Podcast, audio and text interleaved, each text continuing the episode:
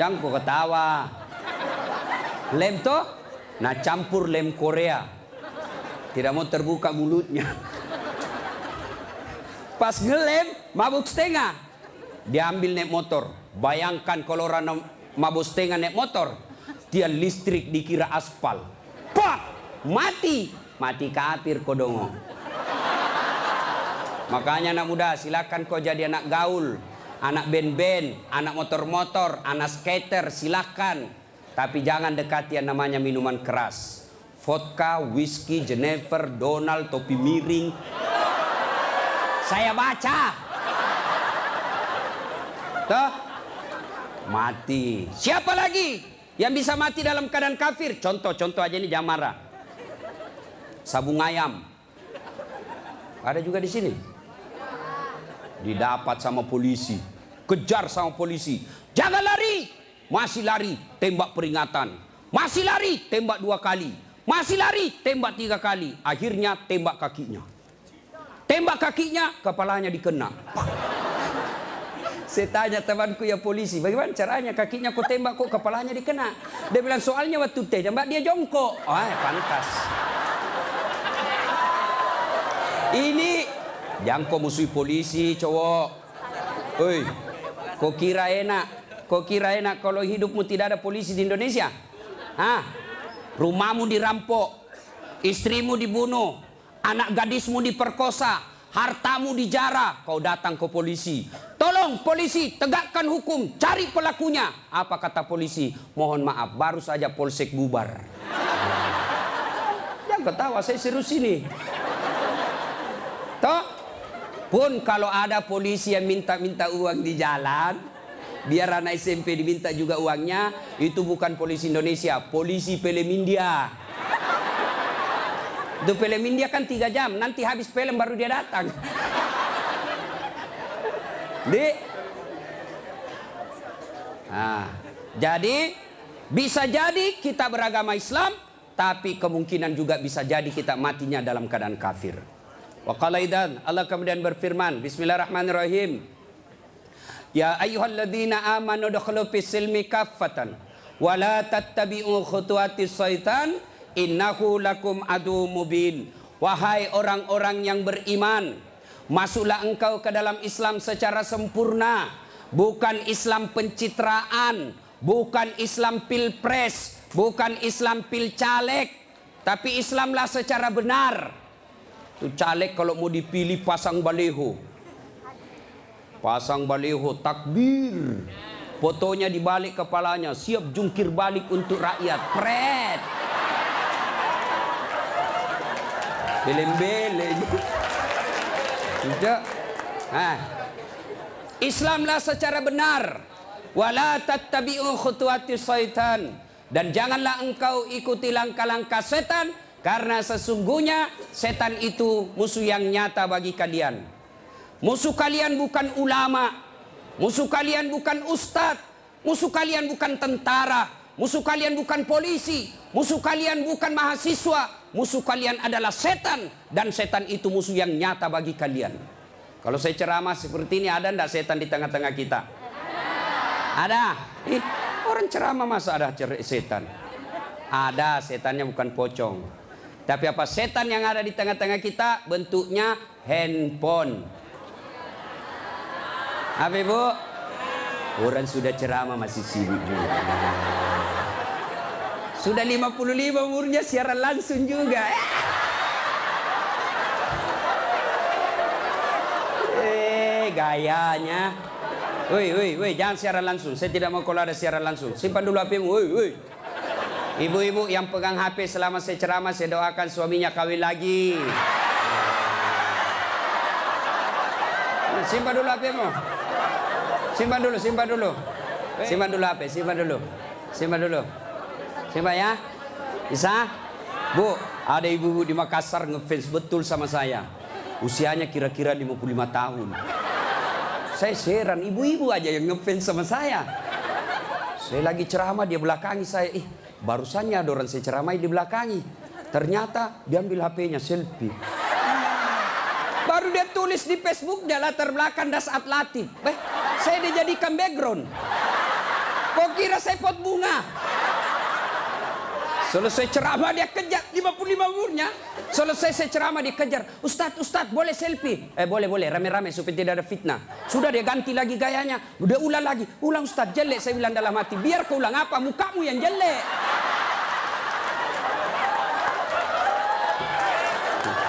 Selesai selfie-selfie. Langsung dia bilang, Ustadz boleh cium? Hah? Haram. Tidak boleh. Tidak nafsu Ustadz cari barakah. Haram. Coba kau masih muda. Nakal. Simpan dulu HP ya, simpan di simpan dulu ya. Bu, bisa? Nah. Wa qala idzan Allah kemudian berfirman, Bismillahirrahmanirrahim. Innallaha wa malaikatahu yusalluna 'alan nabi.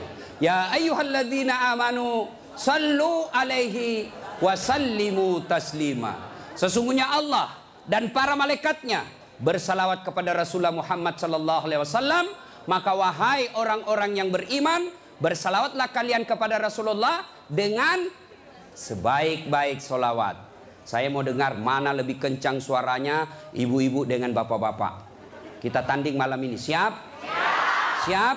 Nah, yuk cowok-cowok terutama ini cowok-cowok jomblo bilillah. Nah, kau diam dulu kita dengar dulu ini ibu-ibu salawat ya. Ayo bu, ayo bareng-bareng bu. Salatullah Salamullah Ala Toha. Rasulillah Salatullah Salamullah Ala Yasin. Alhamdulillah. Ini bukan kencang Ini namanya sahdu Suara begini yang kasih nafsu laki-laki Makanya cewek kalau kau ditelepon cowok jangan kau kasih sahdu suaramu. Assalamualaikum, Waalaikumsalam. Bagaimana orang tidak nafsu sama kau? Lagi di mana dek? Di rumah aja kak. Kau tegas dong. Sebagai cewek muslimah jangan kau mendayu-dayu. Assalamualaikum, Waalaikumsalam. Lagi di mana? Di rumah. Ngapain? Apa tanya-tanya? Berhenti. Ini Waalaikumsalam. Ibu-ibu diam, kita dengar ini cowok-cowok. Ayo, cowok jangan mempermalukan jenis kelamin. Ayo. Ayo. Diam, diam ya, diam, diam, diam. Kita dengar ini cowok. Yuk. Salatu Salamullah ala toha Lillah Salatullah ala Yasin. Masya Allah. Terima kasih. Sudah bi bos. Overdosis kok. Kita diam, diam semua. Kita dengar ini di atas. Ayo, duduk-duduk ngambil gaya loh. Ya, ayo bareng-bareng. Yuk. Sholat. Ini mau poligami, Fred.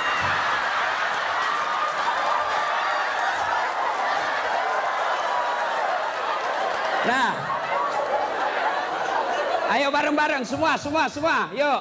Salatullah salamullah ala toha rasulillah Salatullah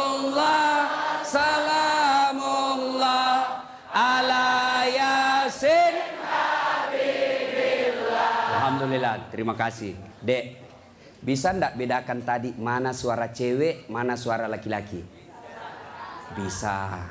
Kenapa bisa? Karena Allah kasih kita telinga yang lengkap sensor pembedanya. Dia bisa bedakan mana bunyi handphone, mana bunyi kentut. Tanpa kau pernah kursus. Woi, woi cewek. Mau ndak saya kasih handphone iPhone X Max? 512 giga. Mau? Gratis, mau? Mau mana mana? Mau. Tapi pulsanya 5 juta, Ibu. Mau? Mau. Tapi begitu saya kasih langsung tuli. Nah, mau diapa handphone kalau kau sudah tuli? Halo? Halo? Hei, rusak lagi nih HP. Halo? Buka HP rusak, telingamu masalah. Berarti yang mahal bukan jaringan, yang mahal bukan seluler, yang bukan handphone yang mahal. Apa yang mahal? Telinga. Allah kasih kau gratis, tidak perlu kau bayar. Hebatnya hebatnya lagi di telinga, ya. Tempatnya kiri kanan proporsional. Bagaimana seandainya telingamu satu di bawah pantat? Halo, ya Ustadz. Lagi di mana? Di rumah aja Ustadz. Ayo. Repot toh? Ya, repot. Makanya kita ucapkan Alhamdulillah. Alhamdulillah. Woi, eh cowok. Woi, woi. Mau saya kasih ini kamera. Mahal ini kalau dikumpul semua. Ratusan juta ini. Saya mengajar mata kuliah fotografi di UNAS. Nih, ya. Kalau kau mengambil gambar, kau harus tahu berapa megapiksel kekuatan kamera kamu. Kau harus tahu berapa kekuatan cahaya di tempat itu. Kau harus tahu berapa kecepatan angin ketika ada kau ambil gambar. Kau harus tahu berapa jarak dari matamu dengan objek yang kau akan ambil. Apa ini kamera yang mahal? Bukan. Apa yang mahal? Mata. Allah kasih kau gratis, tidak perlu kau bayar. Hebatnya lagi di mata, begitu kau buka otomatis autofokus.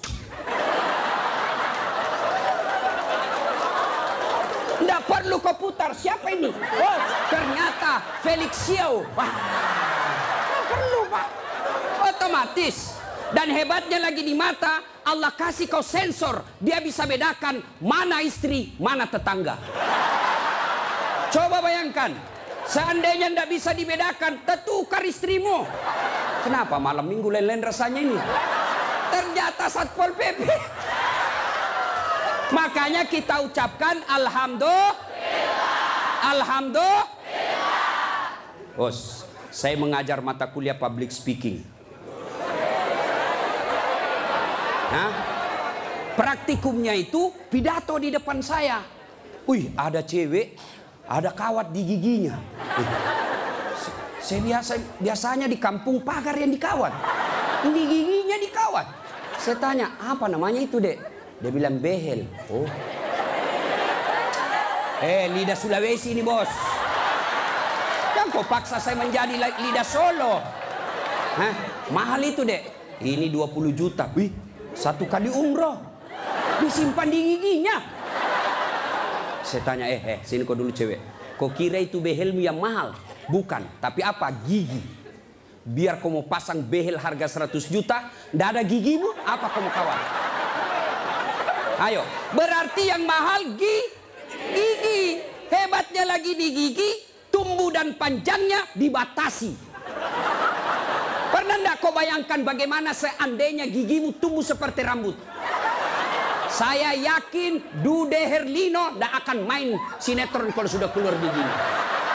Tidak ada yang mau nonton. Makanya kita ucapkan Alhamdulillah. Makanya jangan kau pernah ngeluh Jangan kau merasa putus asa. Jangan kau merasa kamu miskin. Kalian semua orang kaya. Yang kekayaanmu kata Allah. Fi ahsani takwim. Itu badanmu yang sangat cantik. Ya. Saya jelek Ustaz. Karena kau membandingkan sama yang cakep. Saya tidak mau duduk dengan ini artis satri hijrah. Hancur saya. Hancur. Lebih baik saya dekat-dekat sama Tukul 11-12. Kalau saya dekat-dekat di sini hancur saya Pak. Bersyukurlah kepada Allah dan salah satu cara bersyukurmu kamu datang di tempat ini. Allah kasih kita begitu banyak nikmat sehingga Rasulullah pernah sujud meneteskan air mata dalam sujudnya. Lalu Umar bertanya, "Ya Rasulullah, kenapa kau meneteskan air mata?" Kata Nabi, "Karena saya tidak bisa membayar nikmat Allah dengan ibadah yang saya lakukan." Adakah yang bisa mengalahkan ibadahnya Nabi? Demi Allah di kolong langit ini tidak ada orang yang hebat ibadahnya seperti Rasulullah Muhammad SAW. Tapi beliau masih sadar ibadah yang dilakukan tidak mampu membayar nikmat yang Allah berikan. Maka kalian bersyukur datang ke tempat ini dengan catatan setelah kau datang ke tempat ini sehari sampai tiga hari kalian dengar dakwah kalian berzikir kalian ngaji kalian mencatat ingat setan tidak pernah putus asa menggoda kalian bagaimana cara dia goda? Ah, dia hancurkan pahala-pahalamu. Adakah perbuatan yang bisa menghancurkan pahala-pahala kita? Ada kata Nabi, sittatu asyain tuhbitul amal. Ada enam sifat yang bisa menghancurkan amal-amal kebaikanmu. Adik-adik sekalian, kalian pulang ke sini tiga hari kalian bertengkar, eh, bertempur. Tiga hari kalian bertempur melawan iblis, melawan kesombongan, melawan kepongahan, meningkatkan kesabaran. Jangan pikir setan putus asa menggodamu. Dia akan goda kamu setelah kau pulang dengan cara apa? Dia hancurkan amal-amalmu. Sehingga nanti kau berkata di hadapan Allah, Ya Allah mana pahalaku tiga hari tiga malam saya dengar dakwah. Allah menyatakan, eh memang dulu ada pahalamu. Tapi hancur oleh karena perbuatanmu sendiri. Apa gerangan yang menghancurkan amal itu? Kata Nabi, satu, al istighalu bi uyubil khalq. Suka sekali cerita kejelekan orang, dia lupa kejelekan dirinya sendiri. Gosip, gibah, penyakitnya. Hmm. Bu ibu. Nabi ketika Isra Mi'raj diperlihatkan bawa Nabi ke surga, masya Allah banyak perempuan. Masuk ke neraka, nauzubillah min zalik, lebih banyak lagi perempuan. Kenapa kata Nabi? Karena dua hal. Satu, dia tidak mampu mensyukuri nikmat berupa suami. Dan yang kedua, dia tidak mampu menjaga mulutnya. Penyakitnya ibu-ibu. Saya ajak lewat tadi masih ada yang gosip. Begitu saya dilihat, dia bilang, itu juga bajunya yang di Youtube. Sibuk. Kenapa? Saya pakai baju kau yang sibuk tukang gosip. Jengkelku. Kenapa kok gosip saya? Eh, Bu, halo Ibu. Penyakit ibu-ibu yang tidak bisa dikendalikan hawa nafsu menceritakan kejelekan orang. Kalau laki-laki kumpul paling dicerita, wih itu anak sayang yang pertama cakep tapi beleng-beleng. Itu yang kedua cakep, eh tapi ya dongok. itu kan Paling kita cari itu, wah itu motor saya rewel, itu mobil saya yang tua, wah sedikit-sedikit mogok lagi, itu atap rumah saya bocor. Paling kalau bapak cerita itu, tapi coba kalau ibu-ibu. Pertama dicerita sinetron. Jelek betul sifatnya itu ya. Iya. Iya toh langsung tetangga jadi korban. Kumpul begini tuh masih ada gosip. Apa? Tidak ngomong tapi matanya dong. Apa? Kudungnya tidak serasi dengan roknya. Beli ya kayak umbul-umbul. Sudah. Satu udah digosip. Lewat lagi satu. Apa? Palsu. Kenapa kau tahu? Lipstiknya. Eh, kenapa kau tahu? Melengket di giginya. Coba ya. Ayo adik-adik. Ya. Nah, maka saya heran sebagai anak bangsa, kok kita dituduh orang Islam selalu menyebarkan fitnah?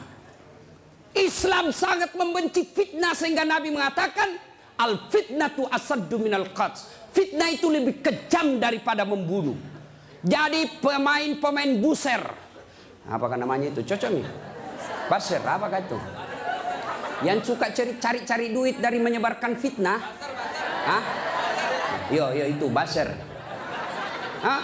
Manalah. Tidak adalah kita orang Islam. Suatu kali Nabi menyampaikan barang siapa yang mengucapkan dua kali syahadat diyakini sampai mati pasti masuk surga.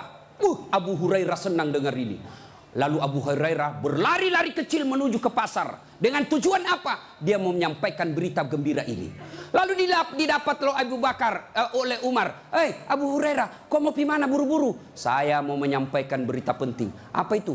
Barusan saja saya dengar menyampaikan Nabi. Siapa yang sahadat, yakin sampai mati, pasti masuk surga. Umar berkata, eh betul kok Nabi bilang begitu? Betul. Ah saya tidak percaya. Kayu kita datang ke sumber dalam teori komunikasi inilah disebut check and recheck. Datanglah Umar klarifikasi ke sumber, sumber berita Rasulullah. Ya Rasulullah katanya anda mengucapkan siapa yang sahadat yakin sampai mati pasti masuk surga. Apa betul berita seperti itu ya Rasul? Nabi katakan betul. Tapi ya Rasulullah, ada apa? Ini Abu Hurairah, dia mengumumkan di pasar. Terus saya khawatir nanti disalahpahami umat kita. Biar tidak sholat yang penting sahadat masuk surga. Biar judi yang penting sahadat masuk surga. Biar zina yang penting sahadat masuk surga. Saya salah paham nanti orang, saya khawatir hadis ini dipahami dengan salah. Lalu Nabi katakan, oke okay, jangan kau sampaikan ini halal umum. Karena dia bisa mengganggu kemaslahatan umat.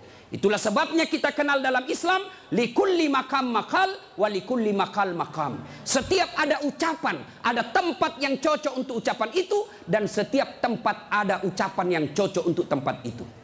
Maka ibu-ibu harus bijaksana memegang WhatsApp.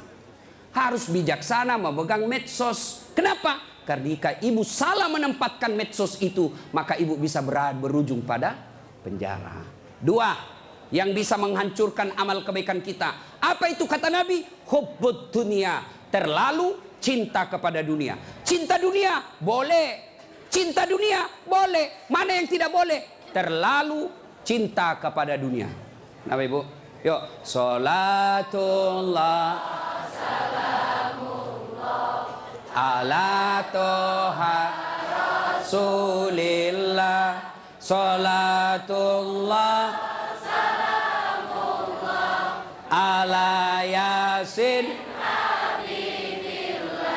cinta dunia. Mana cinta dunia? Satu menganggap enteng ibadah. Hayya salat. Sebentar. Masih panjang waktu duhur. Ini kan sampai jam 3 cinta dunia. Mana lagi cinta dunia? Ini paling banyak cewek. Mukanya dia tidak terima dengan ikhlas. Mukanya dikira tembok. Coklat, biru, abu-abu, krem. Sekarang cewek kan banyak palsu. Bulu matanya panjang, palsu. Matanya biru, palsu. Bibirnya merah, palsu. Pantatnya gabus. Palsu. Itu terlalu cinta dunia. Perempuan kan sekarang bingung saya lihat. Rambutnya panjang, mau dikasih keriting. Yang keriting rambutnya dia kasih lurus. Iya kan? Allah sudah kasih yang baik, dia tidak syukuri. Begitu mulai putih rambutnya, stres, dia kasih semer. Kena matamu, cinta. Karena waktu yang sangat terbatas. Yang ketiga, apalagi yang bisa menghancurkan amal ibadah kita? Killatul haya, kurang rasa malu. Oh ini banyak di Indonesia. Gota DPR malu dong, sudah digaji oleh rakyat, uang rakyat kalian tidur saja. Dedek, pernah dengar cerita anggota DPR di akhirat? Hah? Uh, jadi anggota DPR kan ada penghafal Quran masuk dalam surga. Begitu masuk dalam surga dilihat, ih kok banyak anggota DPR di sini. Di negara aku banyak di OTT karena korupsi. Dia pergi protes sama malaikat penjaga surga. Malaikat-malaikat, kenapa banyak ini masuk anggota dewan dalam surga? Di negara saya banyak yang korupsi. Dia bilang anggota penjaga surga, Dah sok ribut. Kenapa? Dia cuma reses. Sebentar lagi pulang ke tempat asalnya.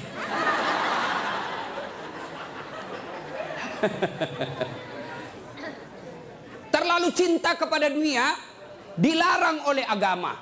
Maka oleh sebab itu kita diberikan hanya syukuri nikmat yang Allah berikan. Yang ketiga, kilatul haya, kurang rasa malu.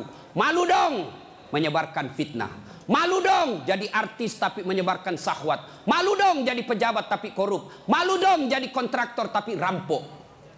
Pernah dengar cerita kontraktor di akhirat? Hah? Oh, ini penghuni akhir, penghuni sorga sama penghuni neraka baku SMS. SMS-an dia bilang penghuni sorga, Mas Bro, bagaimana kabarmu di situ? Bah, tidak ada enak di sini. Di blender terus kita di sini. Tidak ada jam istirahat. Kau di situ bagaimana kabarmu di sorga? Masya Allah. Enak betul. Satu laki-laki, tujuh bidadari. Bayangkan Pak, tujuh. Dan itu bidadari tidak pernah kentut. Seperti istri kita di rumah, tujuh kali kentut satu hari. Tidak pernah kentut. Perawan terus. Tujuh bidadari. Sampai jam berapa? Terus. Terus. Lalu kata penghuni sorga, wah enak betul di sini. Penghuni neraka, bolehkah kami jalan-jalan ke situ? Boleh. Ya gimana? Penghuni neraka kan kreatif. Banyak solusinya. Gimana? Eh, sudahlah, tidak usah cemas. Kami bikin jembatan dari sorga, kamu juga bikin jembatan dari neraka. Kita ketemu di tengah. Setuju? Setuju. Lelang proyek. Keluar pemenang tender. Kerjalah. Hari pertama. Hancur juga ini Ustaz. Aduh. Nasib sial saya ini malam. Uang merah kek.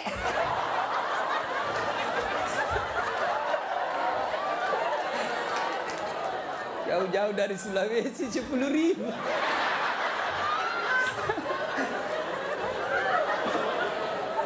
Nah, halo.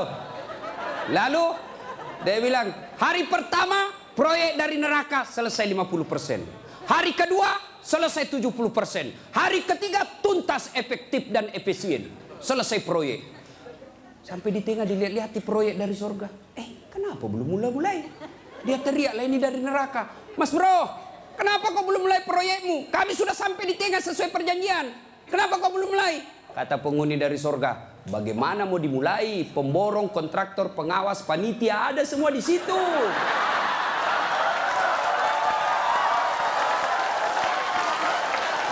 Di sini penghafal Quran aja di sini. Nggak tahu itu proyek, salah-salah kalkulatornya.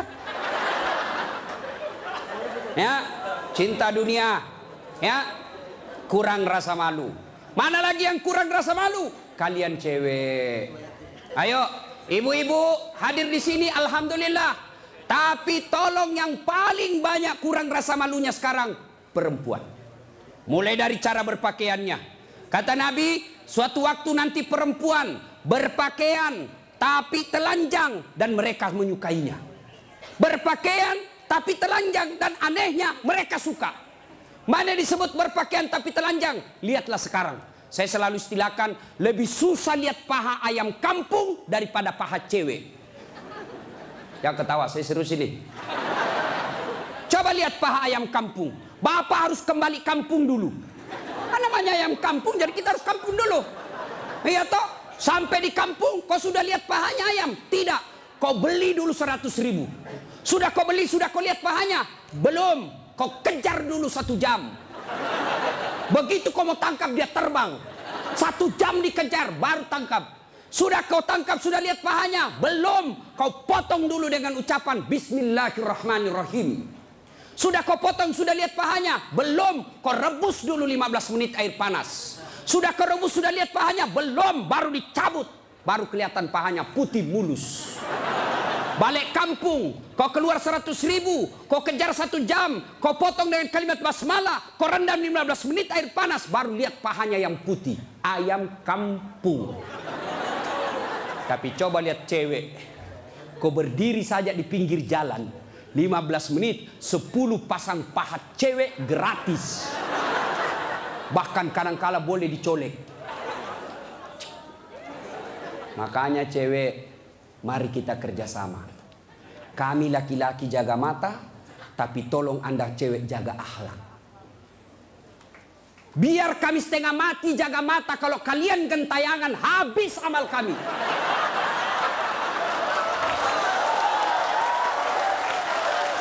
Ya, saya kalau mau pergi mengajar di kampus, saya ngaji dulu beberapa ayat, sholat duha dulu dua rakaat, baru satu kilometer naik mobil hancur amalku. Sebelah kanan ketek, sebelah kiri dada, di depan paha. Tidak mungkinlah saya jalan terus begini. Tiang listrikku tabrak. Hei cewek, woi, mari kasihani mata kami. Dilihat, haram tidak dilihat, barang bagus.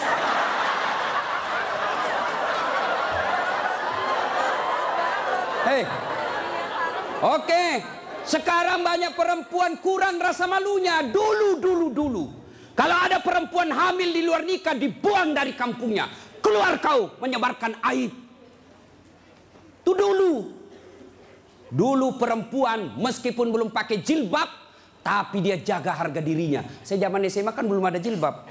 Kawan saya kalau jatuh bal poinnya, hmm, Kan tidak pakai jilbab. Ah, dia pegang dulu ini, lalu dipegang roknya di bawah, baru dia dongkok begini. Dulu, dulu. Sekarang cewek dia sengaja memang itu pakai tipis kecil, jalan dia mau tabrak kita. Hancur. Ah, maka kalian ahwat yang datang di sini pengajian selama tiga hari tiga malam, tolong selamatkan saudara-saudara kalian ahwat-ahwat supaya mereka tidak pakai begitu. Kalian tularkan itu jilbabmu kepada saudara-saudara semuslimah. Jangan kau biarkan mereka, dakwai mereka. Dia mau dengar atau tidak, kewajibanmu sampaikan soal diamalkan urusan lain. Terutama juga yang pakai jilbab tapi tidak memenuhi syarat. Pakaian jilbab itu, pakaian menurut Islam itu ada empat syaratnya. Nih dengar baik-baik yang mau bikin baju. Satu syarat pakaian itu nutup aurat. Alhamdulillah kalian semua nutup aurat. Mana auratnya perempuan? Seluruh anggota tubuhnya kecuali telapak tangan, telapak kaki. Ustadz itu pakai jilbab kelihatan lehernya. Tinggal lehernya dibakar nanti. Ya, kelihatan pahanya, pahanya nanti dibakar. Kalau cewek masih enak dilihat. Ini ada juga orang tua. Sudah mau ada cucunya. Eh pakaiannya saya tanya, Bu kenapa pakai begitu? Ibu sudah tua. Dia bilang, ini baru ada. Dulu waktu saya gadis tidak ada begini Ustaz. Ini namanya bagus dikasih ibu. Kasih STNK. Tahu STNK? Sudah tua, nakal kembali. Kasih itu STNK itu buru-buru gitu. Laki-laki mana auratnya? Se pusat sampai lutut. Artinya adik-adik, kalian yang sudah mengaku diri hijrah, silahkan main futsal, silahkan main bola, silahkan olahraga, silahkan olahraga, tapi tolong jangan kelihatan pahamu. Pahamu adalah dosa ketika kau kelihatan. Kau suruh saudara putrimu jilbab, kalian main bola kelihatan paha, dosa. Ah, ada nafsu lihat pahaku. Siapa bilang? Siapa tahu ada janda-janda tua sudah lama enggak lihat paha. Bisa jadi. Ya. Yang kedua, syarat pakaian menurut Quran, nutup aurat. Yang kedua, tidak mempertontonkan lekuk-lekuk tubuh. Ada orang pakai jilbab tapi bajunya sempit. Susah jalannya. Coba lihat itu kalau ada pengantin. Pakailah jilbab, jilbab sakaratil maut. Yang tiga lapis, kuning, biru, abu-abu. Dikasih kiri lagi sedikit. Ada talinya dia ikat-ikat dulu. Dua meter dia kasih di lehernya kasih dulu. Nah, mulai tidak bisa goyang tangannya. Bajunya sempit, Hah? Roknya sempit. Jalanlah dia bilang suaminya, buru-buru ibu kita ketinggalan. Tunggu dulu pak. Dogo. Itu namanya beleng-beleng. Tahu beleng-beleng? Dongo. Tahu dongo? Nah, kau lah itu. Ayo. Syarat yang ketiga, eh cowok juga. Kalian pikir kalau kau cowok berpakaian ketat-ketat tidak berdosa? Dosa juga itu. Yang kami mencengkelkan itu yang gendut. Masuklah dia di masjid pakai kaos oblong. Begitu dia ruku, mulai menc mulai mencemaskan. Sujud, ih ada celengan. Beleng-beleng.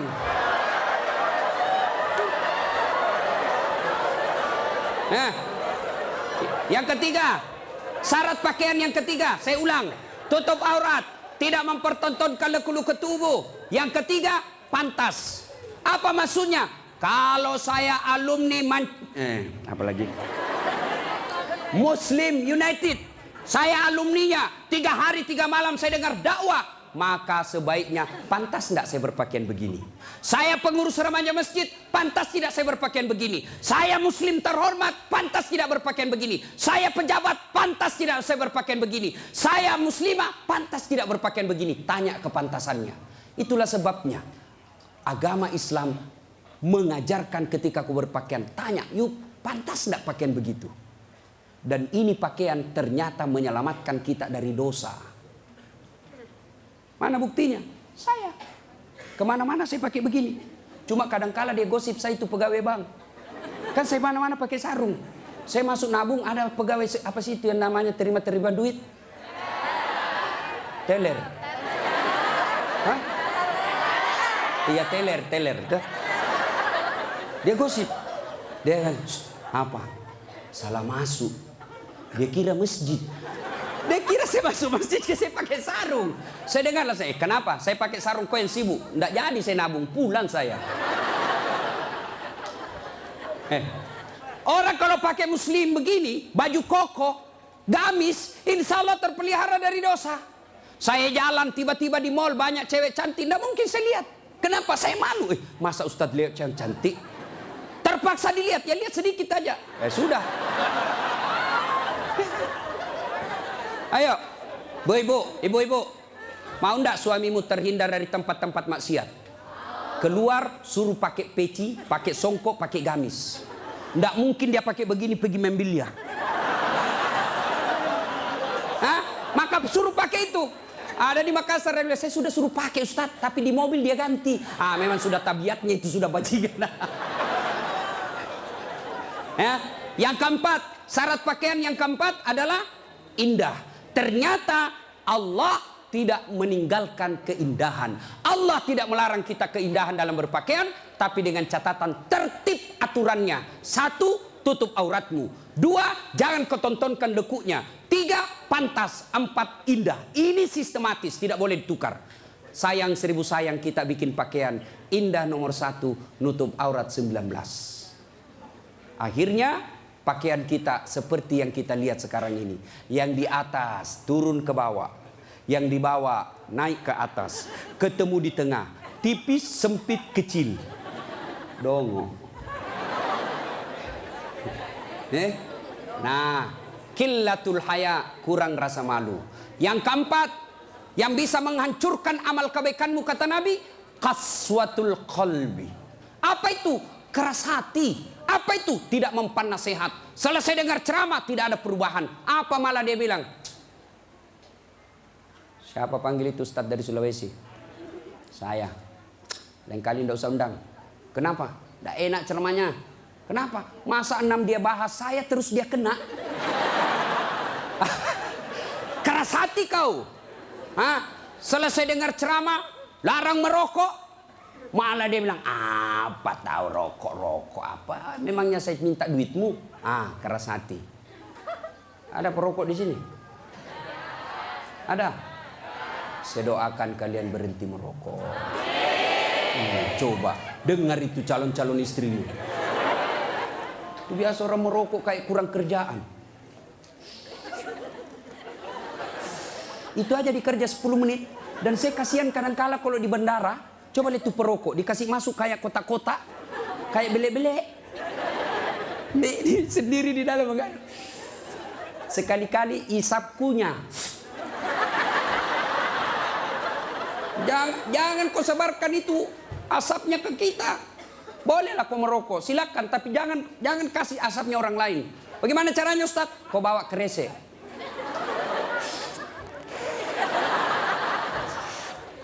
Wah, itu bebas polusi. Ibu-ibu setuju tidak suaminya berhenti merokok? Kalian membenci sembilan naga. Kalian membenci mereka-mereka itu. Tapi kalian beli rokoknya. Kalau kalian mau hancurkan mereka, berhenti kau merokok. Lebih baik itu rokokmu anak muda, kau tabung, lamar cewekmu. Kau juga cewek, jangan terlalu lama mau dipacari. Ini pacaran Islami Ustaz, pret. Pacaran syar'i. Deh, mana ada pacaran syar'i cilaka? Eh, dengar ini cewek. Kau sudah dua tahun dipacari tidak dilamar-lamar, berhenti kau. Kasih tahu itu cowokmu. Hei, motor aja dicicil satu tahun sudah lunas. Kamu sudah dua tahun dipacari tidak dilamar-lamar. Modal sepuluh ribu. Roti satu, teh botol satu, autan dua. Modal sepuluh ribu malam minggu. Nah. Nah. nah. Khaswatul. Keras hati tidak mempan nasihat. Mereka yang selesai dengar dakwah tapi tidak ada perubahan, ah itu yang disindir oleh Allah. Wa alaihim. A'anzartahum la yu'minun. Kau sampaikan ayat Allah atau tidak, kau ceramai atau tidak, sama saja mereka tidak akan beriman. Keras hati, habis amalmu. Yang ke lima. Penghancur amal, tulul amal. Apa itu? Panjang angan-angan alias malas. Dan yang keenam, wadzalimun la yantahi. Perbuatan zalim yang tidak bisa dihentikan. Zalim kepada Allah, tidak sholat. Puncak kesaliman kepada Allah, tidak sholat. Ada yang malas sholat di sini? Ada? Hei, adik-adik. Mau jadi direktur, mau jadi pegawai, mau punya rumah yang bewah, gampang. Perbaiki sholatmu. Kecil buat Allah kasih kau mobil. Kecil buat Allah kasih kau rumah yang mewah. Allah cuma minta sempurnakan sholatmu. Ada di sini yang tidak ada masalah? Ada? Ini malah muka-muka penuh masalah semua ini. Ayah, mana ada manusia tidak ada masalahnya? Istri cantik, kok kira bukan masalah? Masalah digoda orang, apalagi kalau suaminya jelek, lebih masalah lagi. Berarti bagus kalau istri jelek. Istri jelek dihina orang, kita lagi yang malu jalan sama dia. Duluan aja deh, nanti kita ketemu di gedung. Sampai deket tuh tidak muncul-muncul suaminya. Mana kau bang? Tidak jadi saya mencret. Istri jelek masalah, istri cantik masalah. Mana ada orang tidak ada masalahnya? Kita kuliah apa masalah? Mau sarjana. Sudah sarjana selesai masalahmu? Tidak, mau punya kerja. Sudah punya kerja selesai masalahmu? Muncul masalah baru. Apa? Mau jadi kepala dinas. Sudah kepala dinas selesai masalahnya? Muncul masalah besar lagi, mau jadi sekda. Sudah jadi sekda selesai masalahnya? Belum, mau jadi wali kota. Sudah jadi wali kota? Mau dua periode. Dua periode baru dongo. Beleng-beleng. Kau salah, kenapa kau suruh pilih dongo? Hmm, banyak eh. Mau kau? Hah? Ayo, tidak ada orang tidak ada masalah. Ya. Maka Allah tidak mengatakan, "Hei Dasat, ada masalahmu? Kau puasa dulu." Tidak. "Hei Dasat, ada masalahmu? Kau jadi dokter dulu." Kau jadi insinyur dulu, kau kaya dulu, kau anggota DPR dulu. Allah tidak menyatakan itu. Allah cuma minta dua. Ista'inu bisawri wassalat. Sabar, perbaiki solatmu. Saya yang selesaikan masalahmu. Itu janji Allah, bukan janji caleg. Kalau caleg mau dipilih, dibagi-baginya kartu namanya. Pilih saya, pilih saya. Ada masalahmu, telepon saya 24 jam. Begitu terpilih, dia ganti nomor HP-nya. Allah janji pasti Allah tepati. Allah cuma minta ada masalahmu cewek, kau riso soal jodoh, yuk perbaiki solatmu. Eh cowok ada masalahmu kau sudah sarjana tidak dapat kerja, yuk sempurnakan solatmu. Saya sudah solat Ustaz. Betul kau solat tapi tidak ikhlas. Hayalah salat. Ih, asar lagi.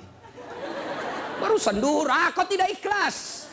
Saya sudah solat Ustaz. Betul kau solat tapi main-main. Mana buktinya? Allahu Akbar. عليك يا كان صراط الذين Kau ketawa karena kau bayangkan dirimu. Nah, siapa yang ngajar kau sholat begitu? Sampai ada yang tanya saya ibu-ibu, Ustadz boleh ndak sholat? Panas Ustadz di rumah, ndak ada AC, ndak ada kipas. Sholat duhur boleh ndak tidak pakai BH? Boleh, tapi kau tidak beradab namanya. Boleh, Bayangkan kalau kau ruku. Yang ketawa cowok, ini barengan laki-laki perempuan. Boleh tapi tidak beradab namanya. Itu kau tidak ikhlas. Saya sholat Ustaz. Betul kau sholat. Tapi sholatmu ya tidak seperlunya. Ayo sholat Allah.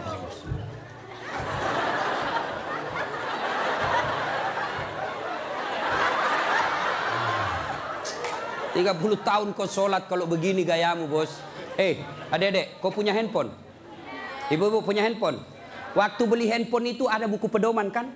Iya. Dan di situ ditatat merah tebal buku pedoman petunjuk pemakaian handphone. Dicatat besar-besar catatan penting. Baca buku pedoman ini sebelum penggunaan handphone. Handphone aja kau pakai itu belum tentu untuk kebaikan ada buku pedoman penggunaannya. Sholat kalian yang pakai lima kali sehari semalam paling sedikit. Lalu kenapa kau tidak pernah buka buku pedoman sholatmu? Ya. Nah, maka bu bapak perbaiki saja sholat. Insya Allah selesai masalahmu. Ya?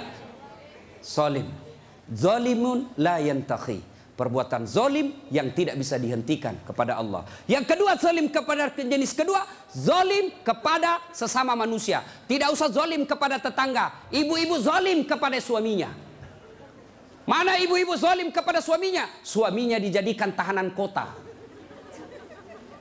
Baru keluar satu jam ditelepon. Di mana kau pak?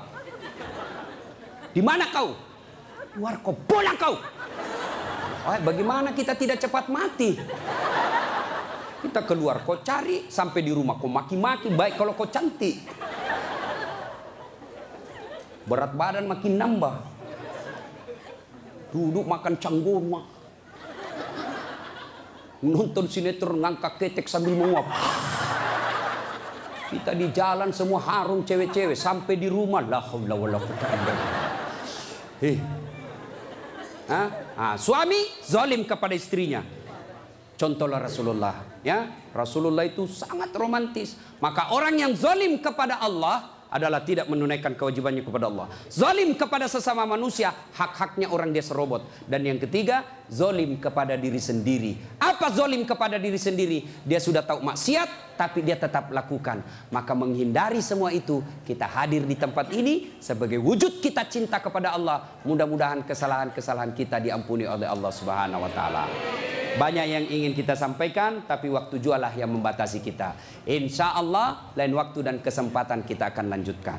Kalau masih mau dengar ceramah saya, gampang. Gimana caranya Ustaz? Ambil handphonemu, buka YouTube, tulis nama saya, Dasat Latif. Keluarlah ceramah saya yang ratusan. Sudah itu jangan lupa kasih tanda begini. Yang ketawa, saya serius ini bos. Yang kau kasih begini. Kalau kasih begini, dia cari kau malaikat pencabut nyawa. Masa ceramah kau kasih begini? Tidak enak perasaan kau lihat ceramah mata kasih begini bos. Kalau kau tidak senang ya sudah tidak usah komentar. Nah, cuma cepat habis kota satu jam habis menguras kota. Maka saya sediakan ceramah yang tidak menguras kota. Gimana caranya? Ah, follow saya di Instagram. Das Atlatif 1212. Das Atlatif 1212. Sudah ku follow Ustaz, tidak mau terputar ceramahmu. Hakul yakin dada datamu. Kau beli kota dulu ya. Nah, sudah Ibu Bapak, mudah-mudahan ada manfaat.